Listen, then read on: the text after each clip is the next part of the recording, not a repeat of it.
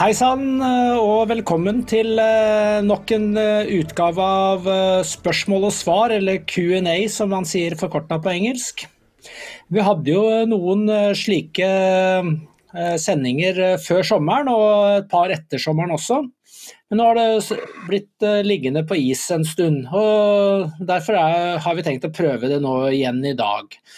Og jeg har med meg vår redaktør Hans Rustad og italieneren Christian Skaug i dagens sending. Vi skal gå gjennom spørsmålene deres som vi har fått inn, og dere har fortsatt mulighet til å sende spørsmål eh, via chatten på Rumble. Men først så er det et par saker som eh, vår redaktør har lyst til å ta opp før vi starter eh, spørsmål og svar-sendingen. Så Hans Rustad, vær så god. Ja. Det er nyheter som vi vet uh, seerne setter pris på. I går kveld så var det møte i lokalforeningen i Ulsteinvik. Og der deltok det 27 mennesker. Og det er, må man si er bra. Og da er det sånn at uh, vi her nede i uh, Gryta er, er, på link og snakker til forsamlingen og får noen feedback og kan stille noen spørsmål. Og det skaper en, uh, en nærhet som er bra for utviklingen av lokalforeningene. Så det, det, er oppløftende også for oss at vi får et personlig forhold til de som er lokalforeninger rundt om i landet. Eh, vi oppfordrer eh, andre til å ta kontakt hvis de kjenner noen på sitt eh, hjemsted og kunne tenke seg å lage en lokalforening. Og Så var det den andre saken, og den kan jo du få lov til å fortelle om, Christian, fordi den var litt spesiell. Ja, du tenker på subjektsaken? Ja. ja. det er eh, blitt offentliggjort en, eh, en, sak i Subjekt i dag eh, som, som, vedrører oss, som omhandler oss. Og Alle vet jo ikke er, hva Nei, Subjekt er et nytt, eller forholdsvis nytt norsk tidsskrift på nett, er ikke det? Som har, de, har, de dekker kultursaker fremfor alt, men litt mer sånn generelt stoff, politisk aktualitetsstoff også. Men de, de tar vel mål av seg til å, å, være et ledende kulturelt tidsskrift i Norge. Uh, de har da en, en, sak om en story som Dokument uh, ved Hanne Tolg da offentliggjorde i 2020. Om en ung engelsk jente som hadde noen forferdelige skader, og som da anklaget eh, noen eh, overgrepsmenn for å ha påført, påført, dem. Og gikk til politiet, og det ble sak. og dette her føyde seg jo da inn i eh, disse grooming-sakene i England, hvor det er hundrevis av personer, de fleste med pakistansk bakgrunn, som er blitt eh, siktet, mange også dømt for voldtekter mot unge engelske jenter. Dette her har jo da pågått i, flere typiske tradisjonelle engelske arbeiderklassebyer, særlig Nord-England. Så eh, dette her så jo da ut til å være en sånn sak. Så ble det kjent i forgårs at uh, denne jenta hadde kokt i hop alle anklagene. og det er da blitt fastslått av en domstol i Storbritannia. Og Det som skjer da, er at Subjekt skriver en sak hvor de forteller at eh, en dokumentsak viste seg ikke å være sann. Fordi at Det vi hadde skrevet i 2020, eh, basert på den eh, informasjonen som var tilgjengelig da, viste seg å være usann i forgårs. Så dette er jo et, et lovlig tynt grunnlag å henge ut dokument på. Og vi ble kontaktet med en eh, tidsfrist på var det 48 minutter til å gi et eh, tilsvar på det som da var en sak som var i ferd med å bli offentliggjort på Subjekt. Og Hadde Tolg har jo da også vært i kontakt med Subjekt og, og, sagt at dette her er misvisende, og Subjekt har endret overskriften litt, sånn at det ikke, er, at det ikke ser ut som det er en historie som dokument har kokt i hop. Men uansett så har det da avstedkommet en del stygge kommentarer på, på vår bekostning på Subjekts Facebook-side. Så dette her Det er jo mye vi kan si om dette. Det, det mest betenkelige er kanskje at norske medier, subjekt inkludert, i det store hele har ignorert disse grooming-sakene fra Storbritannia som er helt uh, forferdelig. Altså, vi snakker om jenter ned i uh, de tidligste tenårene som er da blitt gruppevoldtatt av voksne menn. Det har pågått på en aldeles uhyrlig skala, og det er nesten ikke omtalt. Fordi det er altfor uh, følsomt at det er voksne pakistanske menn som voldtar unge engelske jenter. Så I stedet da for å, å, å løfte frem dette her som et stort samfunnsproblem, så velger altså subjekt å omtale dokument fordi vi har skrevet om én sak av mange saker som viste seg å være grunnløs. Så Da kan jo alle gjøre seg eh, sine tanker om eh, subjekts prioritering av hva som er viktig eller ikke. Det er klart Dette er jo litt lompent mot oss, kan du si, men det er egentlig verst eh, mot disse engelske ungjentene. Hvis skjebne da interesserer dem midt i ryggen. Det var et såkalt gotcha moment. Ja. ja. ja. Ikke sant? Der fikk vi deg. Det er den uh, følelsen de ga etter for. Nei, jeg kommer bare på som en eh, Jeg bare husker han derre eh, britiske The Guardian-skribenten. Han veit ikke om han skriver enda, men han er sånn super woke, venstreliberal uh, homofil eh, skribent som heter Owen Jones eller noe sånt, jeg er ikke helt sikker. Men han la jo ut en sånn Twitter-melding hvor han sa at eh, alle voldtektsofrene for grooming-skandalen burde holde kjeft pga. diversity. Så det var liksom holdninga, da. Og dette ble jo da sitert av en uh, Labour-politiker, Shah et eller annet. Hun var jo med muslimsk bakgrunn, og det, det skapte faktisk problemer for henne. Men uansett, ehm, Hanne vurderer jo å skrive en kommentar om dette, her, så vi får se hva som skjer. Men eh, jeg personlig er svært skuffet over Subjekt, som jeg egentlig setter pris på. For dette her var lavmål. Ja, skal vi starte med noen spørsmål, Hans? Hva sier du? Kom igjen. Ja. Um, jeg lytter øret. Det første, det første spørsmålet kan gå til Hans. Og så kan eh, Christian kommentere etterpå. Har panelet gjort seg noen tanker på årsakene bak våre politikeres krampaktige syn på at Norge og nordmenn er blitt gitt en slags guddommelig befaling til å redde hele verden fra et klimatisk armageddon? Hvor kommer det fra? Jo, det kommer ifra en eh, avkristnet pietisme og sosialisme. Det gjør det. Eh, fordi mandatet gå ut i hele verden og, og gjøre det til mine folkeslag, altså misjonsbefalingen, den har jo sosialistene overtatt. Og fordi det er en internasjonal bevegelse, og de ønsker da å forplikte alle nordmenn på misjoneringen, så er jo klima det, det er det nye evangeliet. Det funker ikke så godt med kultur og religion, nemlig. Kristian? Det her er vel uh, også en del av det Terje Tvedt kaller for det internasjonale gjennombruddet. At uh, nå skal Norge bli viktig på, på verdensscenen. Vi har uh, laget paradis hjemme, og nå skal vi ut og vise resten av verden hvordan dette gjøres. Altså, det, se på norsk fredsdiplomati f.eks. Ja, bare partene setter seg ned og hører på våre grunner, så, så, vil de forstå at de må slutte fred med hverandre og sånne helt naive sludderresonnementer. Og det er eh, noe av den samme innbilskheten som gjør seg gjeldende. da, at at vi skal ut og redde verden. Det er, det er en interessant detalj her, fordi uh, Trygve Slagsvold Vedum han fortalte uh, forholdsvis nylig, jeg husker ikke hvilken avis, at han hadde en lapp liggende på skrivebordet sitt hvor det sto Per Gynt. Og det, det, skulle minne ham om at han uh, ikke skulle følge minste motstands vei, sånn som Per Gynt gjorde. Han liksom, Og Det betyr jo da at uh, han da må stå fast på energipolitikken som gjør nordmenn fattige. Men altså det er, det i hvert fall to ting å bemerke til det. og Det ene er at hvis han tror at det er minste motstands vei å gi etter for det den norske befolkningen ønsker, så tar han feil. fordi at Hvis han gjør det, så må han nemlig tale Brussel midt imot.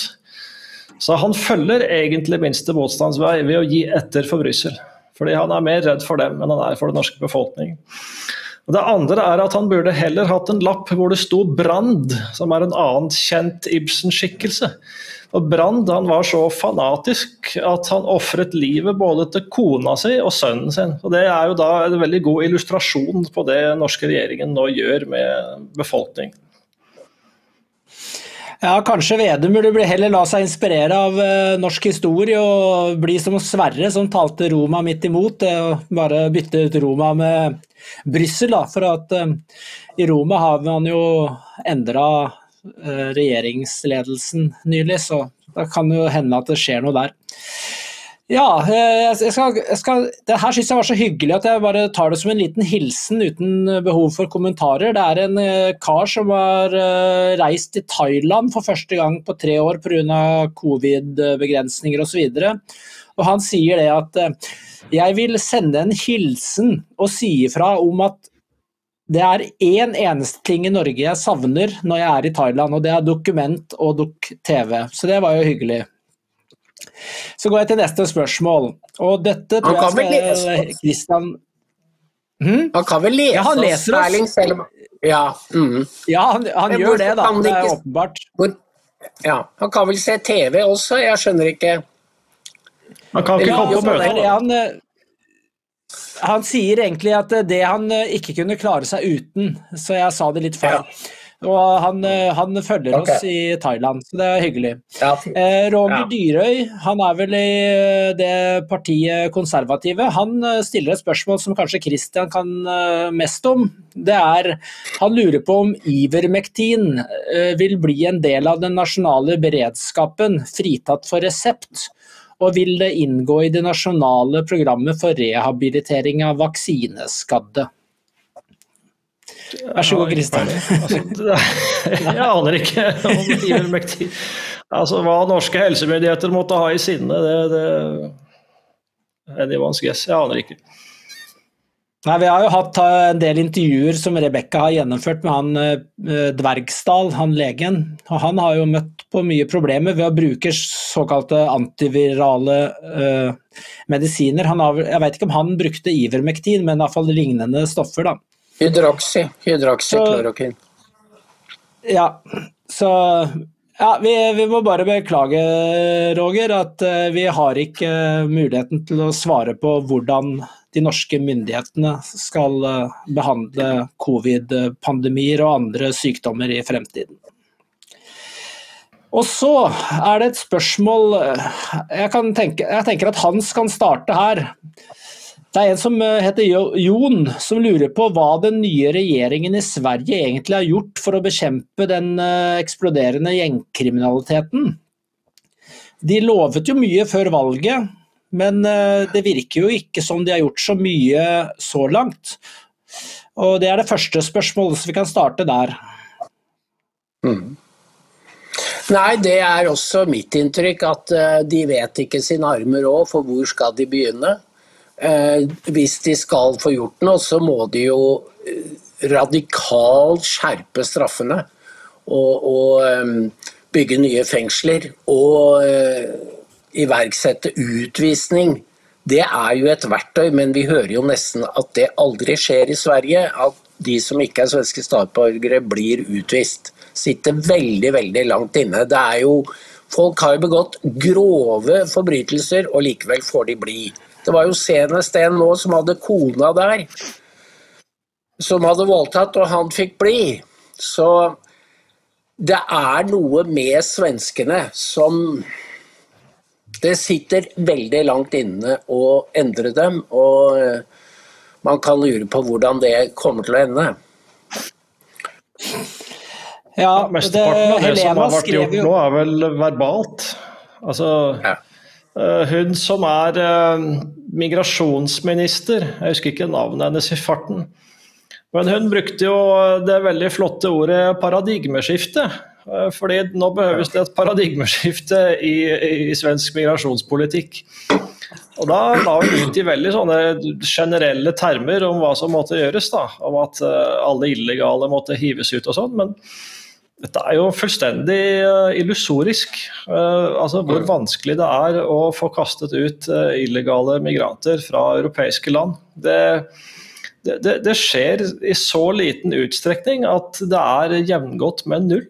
Så det, det, det, de eneste gjør her, er bare å drive en slags uh, verbal terapi. Altså. Det, er, uh, det, er, ikke noe problem du bare kan uh, løse. Du kan begrense skadevirkningen. Du kan prøve å liksom holde det på et tolererbart nivå, men de, er, de, har noe, de, har ikke noe, verktøy, rett og slett. De kan, de kan kanskje stramme inn migrasjonspolitikken litt, men altså, hva hjelper det etter at du har importert mer enn én million mennesker? Men du ser jo på forholdene i Storbritannia, der finnes det heller ingen vilje til å gjøre noe med problemene. Fordi de som jobber i eh, tollen eller dette nede ved Dover, de er jo ute og henter båtene. Altså, Det er jo ikke snakk om noen australske løsninger hvor de skyver dem til havs. De henter dem inn. Og da er det, gjør de jo overalt. Altså, ja. Det gjør jo italienerne også. Altså, det, er, det, er, jo mest oppmerksomhet omkring NGO-skipene. Men det som skjer uh, i bakgrunnen, er jo at uh, kystvaktene den støter jo på uh, båter i trøbbel som er mye nærmere Italia enn disse som er ute i fjæresteinen utenfor Libya. Og de blir jo bare eskortert inn, de altså. Det er helt meningsløst, men sånn er det. Men har Meloni Nei, jo... vært falt ned som en skinnfelle, eller hva? Altså, vi har ikke hørt noe bevegelse der. Ja, nå har vi jo dette nye dekretet da, som er gjeldende fra nyttår, eh, hvor man sier at ok, bare utfør én redningsoperasjon. Eh, be om havn med en gang, og så blir de sendt litt lenger nord. Og så sier de at eh, dere må sørge for at de om bord kan søke asyl i, i skipets flaggstat med en gang. Så hva som skjer der, gjenstår jo å se. Så jeg tror ikke de har eh, brukt opp alle korta i kortstokken ennå. Men eh, hun er jo nødt til å levere forholdsvis raskt for ikke å tape troverdighet på det punktet. Det er helt klart. Ja, jeg vil jo si at det der, eh, som du sier Hans, at det er mye talk to talk, but not walk to walk. Det har vi jo sett mange symboler på. Du kan jo ta han Tess Faye i Danmark. Han var jo så knallhard i uttalelsene sine. Men ja. Eh, det skjedde jo ingenting. Og så kan du ta Pretty Patel, i, som var innenriksminister i eh, Storbritannia. Det var jo, Hun skulle jo sende alle til Afghanistan, og det endte opp med sju stykker som kom i retur omtrent. Og hun Rwanda, Braverman som tok over hm? Ja, Rwanda var det, ja. Rwanda. Og det var jo en eh, ganske fatal, eh, et fatalt opplegg i utgangspunktet, for Israel hadde jo prøvd dette tidligere, og det endte jo med katastrofe, fordi at det var bare rein svindel. Og nå var jo hun Braverman som tok over. Eh, jeg ser at hun gikk av i oktober, stemmer det? Jeg er ikke helt sikker på det egentlig. Men hun også kjørte jo veldig tøff tale. Men det man ser på eh, fasiten, altså antall båtmigranter til Storbritannia, det bare stiger og stiger, og ingen sendes ut. Og dette er veldig gjenkjennelig for politikk. De sier ting, som de lover oss, og så gjør de absolutt ingenting. Og da blir man liksom Derfor kommer politikerforakten. Slikt ser jeg på det, da. Men det har jo skjedd noe rettslig da, i Storbritannia. Det er jo en domstol som har sagt at det er i orden å sende asylanter til Rwanda.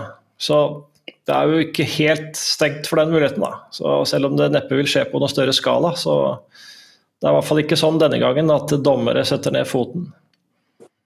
Nei, det er, det er, ikke sånn lawfare som uh, man opplever eh, mye av i USA bl.a. Hvor uh, retts, uh, re, ulike lokale dommere går inn og stanser nasjonal politikk ved Ja, jeg kan droppe det nå, men det er et spørsmål angående skogpoddene dine, Hans. Det er en som er, heter Ban Dørge. Og som er en ivrig lytter av Skogpoddene. Og han pleier å høre på Spotify. Han lurer på om det er noe statistikk på hvor mange som lytter på Spotify. Jeg vet ikke hvorfor han lurer på det, egentlig. Men han uh, sier også at uh, han mener at Skogpoddene bare blir bedre og bedre, så det er jo hyggelig. Men uh, vi har vel oversikt over hvor mange som hører på disse poddene hans, har vi ikke det? Dan har det. Jeg overlater de der Ja, det er ca. 2000. Mm. Ja, Ca. 2000 uh, hører på de podene til, uh, til Hans, og det er hyggelig. Og jeg er en av de. Og da, ja, Takk skal du ha, Erling. Og la meg bare si da, I går så satt jeg jo med denne NHO-konferansen, og da oppdaget jeg til min forbauselse at på NHOs hjemmeside så var det hun Sofie Haugstøl Eh, som er eh, altså USA-ekspert og varamann til Stortinget for Venstre, som laget en podkast sammen med han Eirik Bergesen. Og han er helt rabiat anti-Trump. Disse, disse er innenfor da NHO-paraplyen, sånn at alt er en happy family. Eh, og de gjentar det samme budskapet. Og vi er nesten de eneste som driver vanlig journalistikk når det gjelder ja, you name it. I hvert fall når det gjelder USA og det som skjer der. Det er eh, ja. Så de er på Vogue-toget ja. i NHO også, og alle andre steder. Ja. Altså. Skal, du, skal, skal du, være noe i dag i Norge, så har du liksom ikke noe valg. Du må bare Du har ikke noe valg. Du har ikke noe valg. Og det, de som har, skal få, og de som har lite, skal miste det lille de har. Altså, de har jo ressurser så det holder når du er innafor.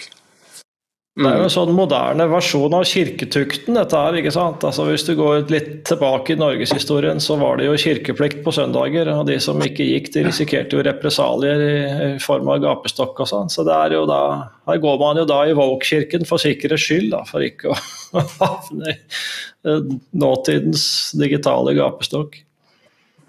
Men det er jo derfor vi er farlige, Erling. Fordi så lenge vi eksisterer og Gud forbi, vokser, så viser det at det er et sentiment, en opinion der ute, som ikke vil ha det de blir servert i regimemediene. Og det ja, er... truer hele truer systemet. Ja, vi er Band of Brothers, som jeg skrev i dag. Uh, vi er få, men vi er glade få. Vi er Band of Brothers. Her er det nok et, det er nok et spørsmål fra Ole Jonny som uh, snakker litt om statistikk og tall osv. Men uh, det som uh, jeg hopper over det, siden vi egentlig har snakka litt om det nå. Men han har et spørsmål som vår redaktør kan gi et interessant og opplysende svar på. Hvor mange jobber med moderering? Hvor mange jobber for dokument med moderering? Nei, det er Kristian som er moderatorkongen. Ja ja, det er sant. ja, I øyeblikket er det vel 14 eh, stykker, tror jeg. Ja. Hvor mye, penger, mye penger bruker vi på det, da? Ja, Det er eh, ikke sånn vi går ut med offentlig. Nei. Mm. Det er jo veldig eh, interessant nå i forhold til det har vært diskutert i forhold til eh, pressestøtte og sånne ting, at eh, eh, stiller, det stilles jo krav fra PSU, PFU om at man har døgnvarende moderering på Facebook. og Det som er problemet på Facebook, er at du kan ikke forhåndsmoderere kommentarer. Du må gå inn i ettertid og slette dem. Så dette her er jo et eh, direkte angrep selvfølgelig på alternative medier, men uh, vi får se hva som skjer. Medietilsynet. Mm. Ja, Medietilsynet, ja. Så er det jo selvfølgelig, nå som det har nettopp vært nyår, så stiller jo Ole Jonny også et spørsmål om hvordan redaktøren ser på året 2022 både, Det står ikke spesifikt, men jeg regner med at han mener både for dokument og for uh, verden for øvrig. Og hva som er håpet for 2023. Mm. Ja, eh, det skjedde så mye i 2022 at eh, det er jo ikke noe liten jobb å opp, oppsummere alt det. Eh, Men eh, jeg må nok si at vi skriver ikke så mye om islam lenger i forhold til hva vi gjorde, for nå skriver vi om energikrisen og dens forgreninger inn mot situasjonen i Europa og krigen i Ukraina. Og inflasjonen. Altså, de har jo trukket i noen håndtak som har utløst krise, i, i hvert fall i Vesten og store deler av verden. Og øhm, dette er jo gjort med viten og vilje. Og det er, bare for å ta en liten detalj, fordi nå liker mediene å snakke om kaoset i Kongressen som disse 20 har forårsaket. Og jeg har hørt mye på I dag var Matt eh, Getz uh, gjest hos Laura Ingram, og han, der kom det jo frem at grunnen til at de sier nei og ikke går med på nye hestehandler, er at Kevin McCarthy og Mitch McConnell sa ja til denne omnibuspakken før jul på 1700 milliarder. Og det var altså etter at midtveisvalget var over, og da skal, er man egentlig bare et forretningsministerium. Eh, da skal man ikke foreta store radikale endringer. Det er grunnen til at disse 20 gjør opprør, fordi USA er ved å synke ned i gjeld. Har du noen kommentar der, Kristian? Nei, det er jo øh, riktig som han sier. Altså, det, det der blir jo portrettert øh, på en helt øh, fortegnet måte i, i norske medier hvor de liksom later som at det er en sunn del av det republikanske partiet, og så har du alle gærningene som har sans for Trump. Eh, og det, det, Da kjører de jo i grunnen bare på det samme skriptet som før, og da er det veldig vanskelig for et norsk publikum å, å forstå det som foregår. Så her er det jo bare å Vi må bare fortsette å, å, å se det fra den andre sida, for det er det ingen andre som gjør, rett og slett. Mm.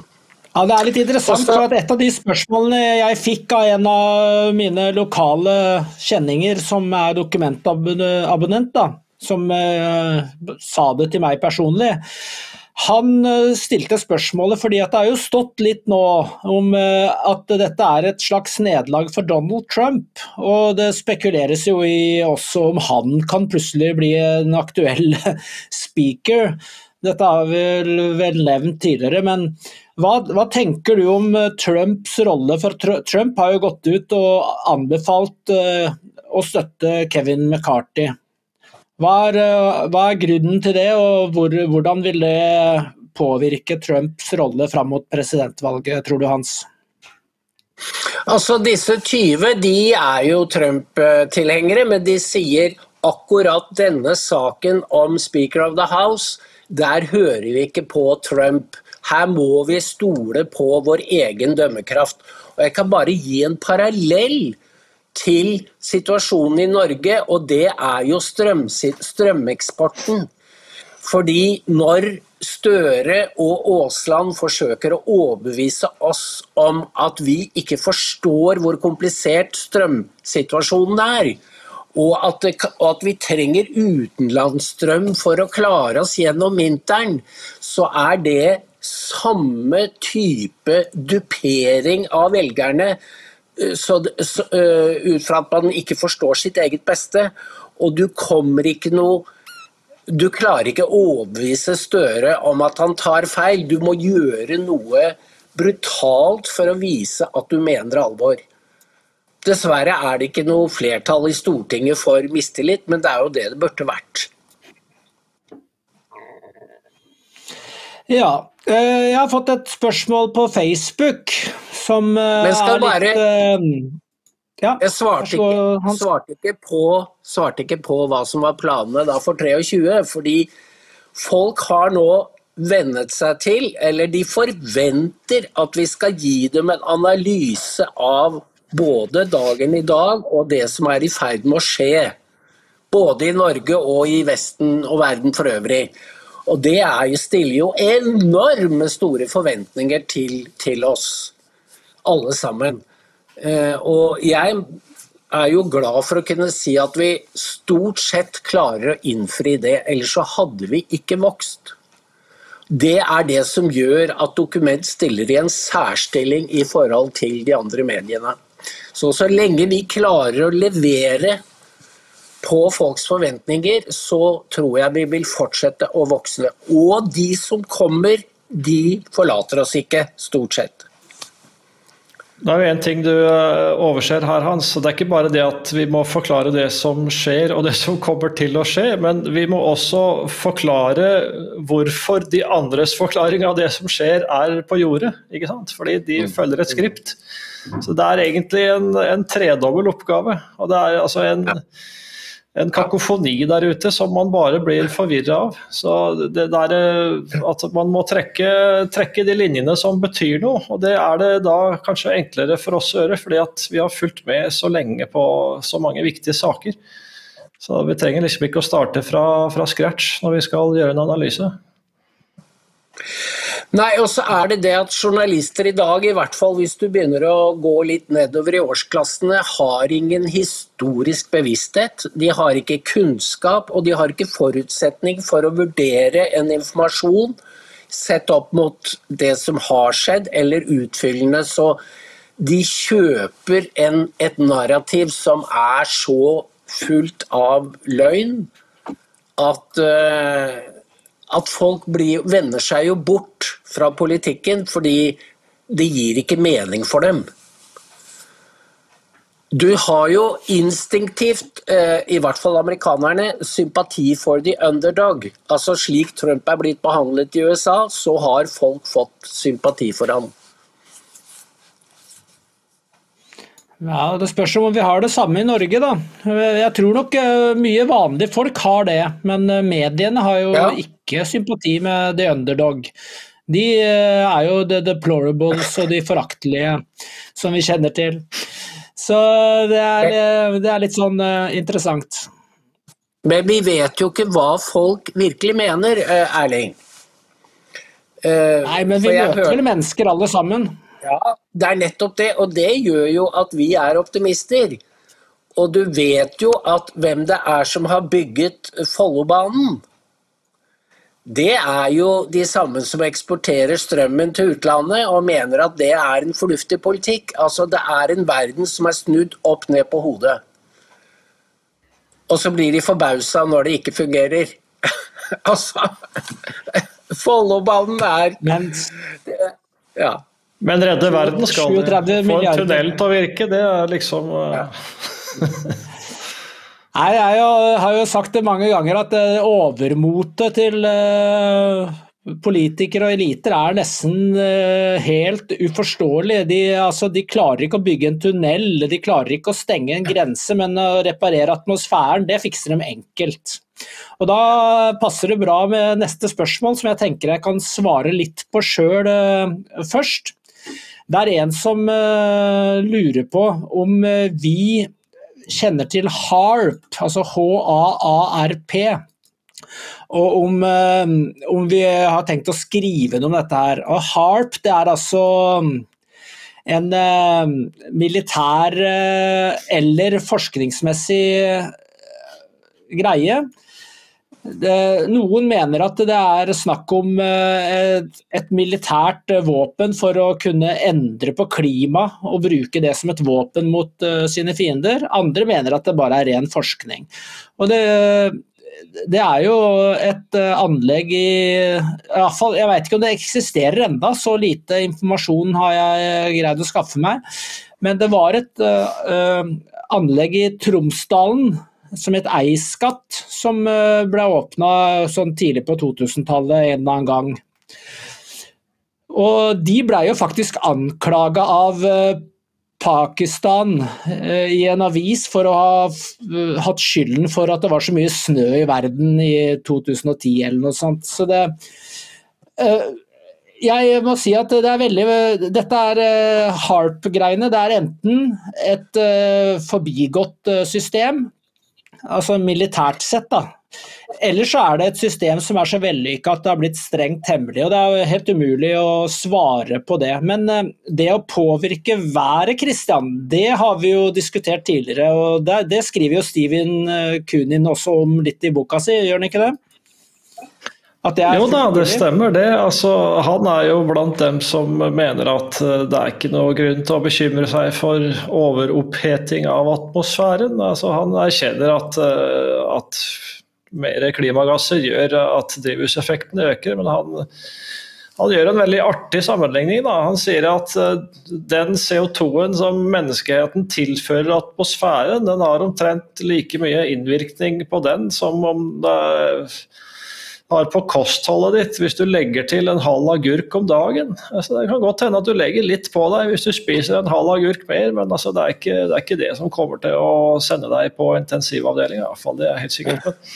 Han sier at hvis, hvis, det nå skulle bli sånn da, at det blir uutholdelig varmt i verden, så, så kan vi jo fikse klimaet. F.eks. Eh, ved å, å, sende ut litt kunstig dis i stratosfæren. og Dette er jo ideer som folk har tenkt på i mange tiår. Det, altså det, det, det, ville sannsynligvis ikke være vanskeligere enn at Elon Musk kunne finansiere det helt på egen hånd. Eh, men dette med dette HARP-programmet, det, om det har prøvd å påvirke været, det, det, tør jeg ikke å si. Jeg trodde det hadde helt andre formål, men det, altså det, forskes på så mye rart eh, med støtte fra det amerikanske militæret. og nå vet vi jo mye mer om, eh, om biovåpen og sånt etter denne pandemien. så det skulle ikke forundre meg om, eh, om noen har forska på, på, andre former for påvirkning av været, men hvordan man skulle bruke dette her militært mot andre, det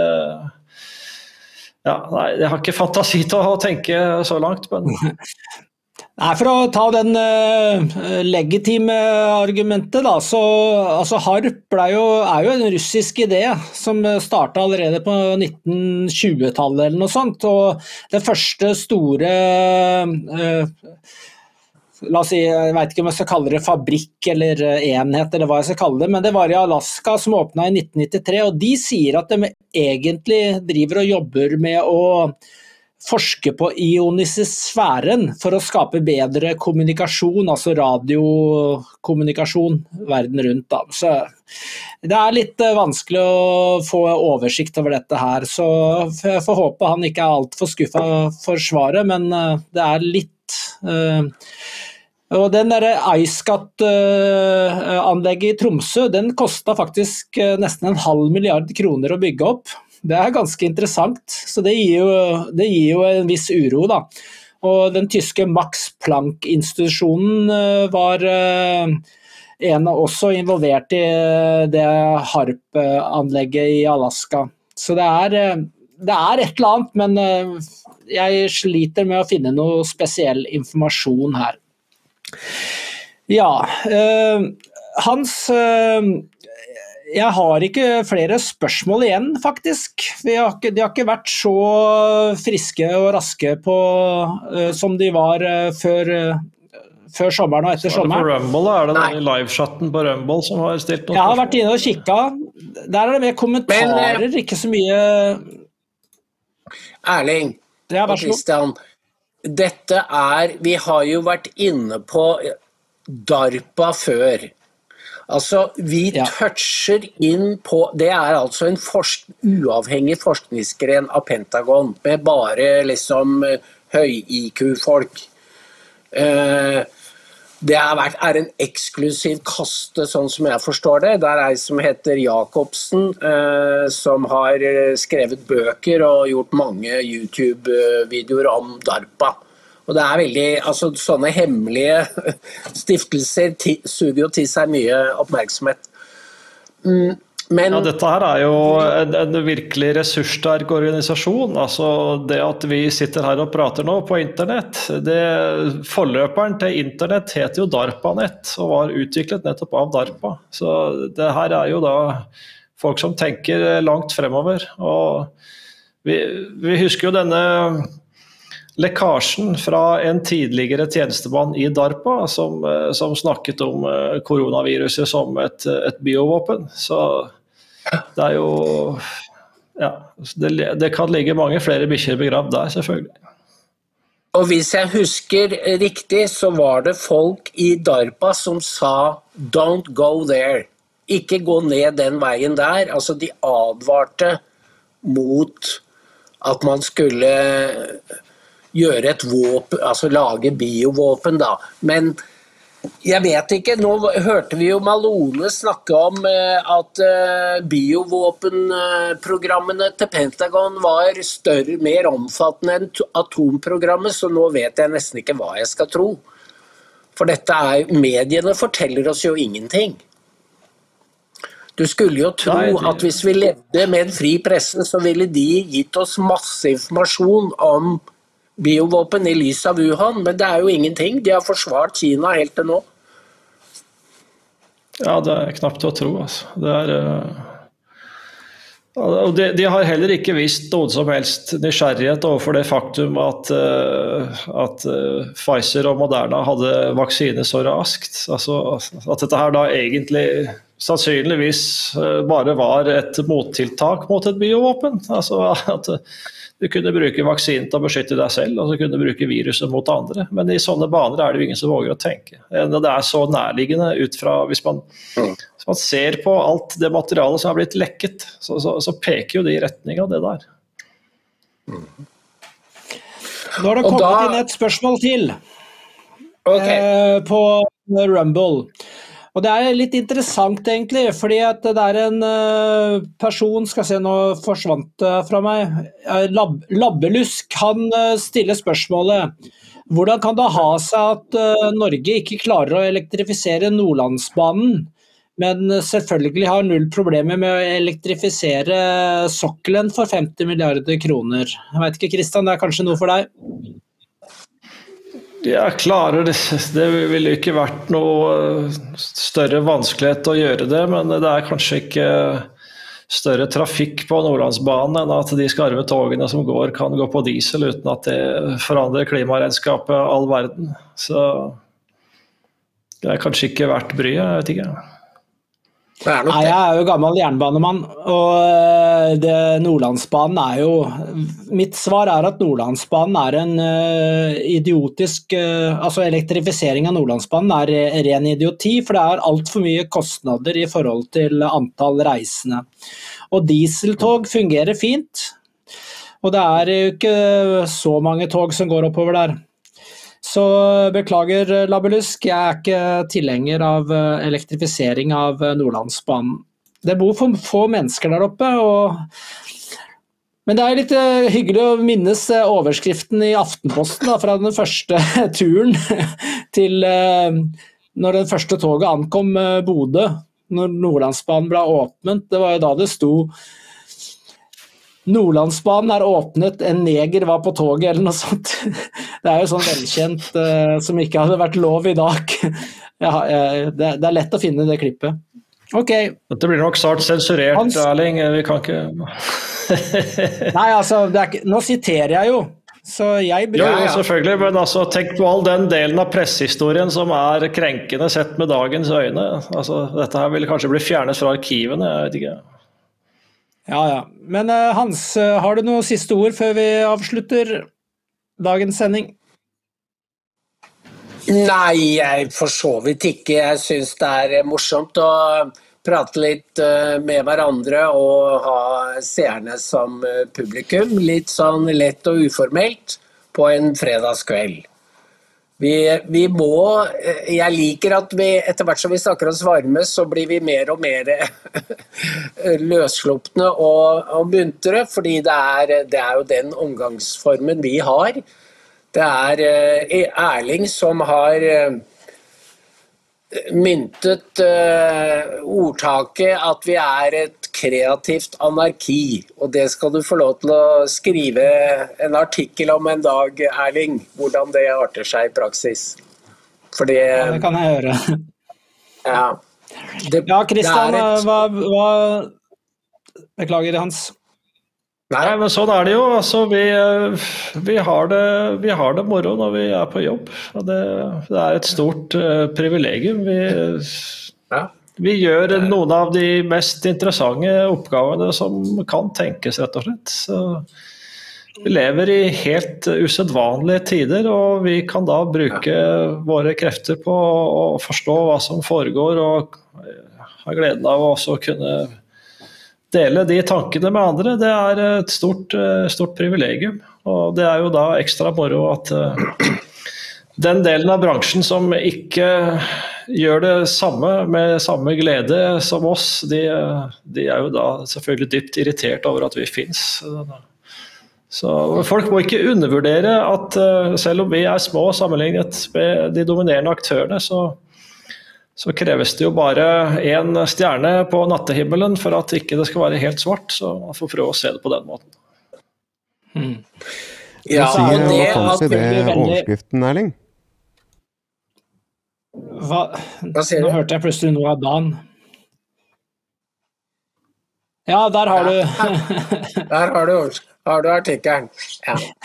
Men det var dette med det gode humøret, Christian. fordi jeg tror det er det som, som gnager de andre, at de ser at vi har det moro. Og at vi ikke er farlige personer, men leverer god vare. Og da faller jo sånne historier som denne fra subjekt eh, Sten død marken. Jo, det. Jeg tror ikke det var eh, Ja. noe veldig heldig trekk av dem, for å si det sånn. Nei, Nei. det var ikke det. Nei, men ikke sant? Fordi det, det, som er, det som eh, Jeg skal bare si en ting. Det, er, det som er viktig, og som gjør at vi har godt humør, er jo selvfølgelig den støtten vi får av lesere og seere, og så mange henvendelser. og Jeg fikk jo flere besøk i romjula, folk som kom og ringte på. En hadde kjørt eh, nesten fire mil bare for å komme og snakke med meg om et eller annet han var bekymra for. Og det, det, det, det varmer jo skikkelig, da. Og det blir jo en eh, sterk motivasjon for eh, oss. eh, Og dessuten så har vi, slipper vi jo da Altså vi, vi kan ta feil vi òg, men vi slipper iallfall å lyve når vi gjør jobben vår. Vi kan si det vi mener, og så være så presise vi klarer, og forsøke å lete etter sannheten. Og det er jo en belønning bare å få lov å leve i en sånn situasjon. Og så kan vi si en ting til, og det vet vi med sikkerhet, nemlig at i år fyller dokument 20 år. Og det må vi jo markere på flere Ja, Det er bare noen dager til det, er det ikke det? Det er Nei, er i mars, det- er det ikke det? Nei, det var i januar ble det starta, var det ikke? Var det det? Jeg husker ikke datoen Ok. lenger. Ja. Ja. Nei, vi får Ja, jeg tror også det var i januar. ja, ok. Det må vi markere med både et møte, et fysisk møte, og jeg tror det er en dokumentarfilm på gang. Og eh, Hanne vil også ha lagd noe på prent. 14. Fordi januar var det, Hans. Ok. 14. januar Vi har- 2003. Vi har skrevet eh, pressehistorie i Norge når vi har holdt på i 20 år, og er på vei opp. Så eh, Jeg har bare, det blir jeg har bare vært med Fame, 10 av tida, men Ja da. Nei, vi får bare Vi får ta 20 år til. Jeg vet ikke om det er noen av oss som har tenkt å pensjonere oss, så Du er vel ikke akkurat eh, på pensjonens eh, tankegang, eh, Hans? Nei, men altså 20 år, da begynner du å liksom Da begynner du å touche grensene for hva kanskje Vår Herre tillater. Det får vi se. Men uh, Ja, når jeg sa Da har vi jo 20 år, så tenkte jeg kanskje mer på meg selv da, og Christian. ja. Vi får se. Nei, ja, men jeg syns vi skal avslutte nå, når uh, vi klarte oss eh, å komme oss gjennom en eh, grei periode. Og jeg vil si tusen takk til redaktør Hans Rustad, og tusen takk til pizzabakeren fra Italia, Christian Skau. Og tusen takk til alle dere som så på. Og ha en riktig god helg. Takk for nå. Takk for nå.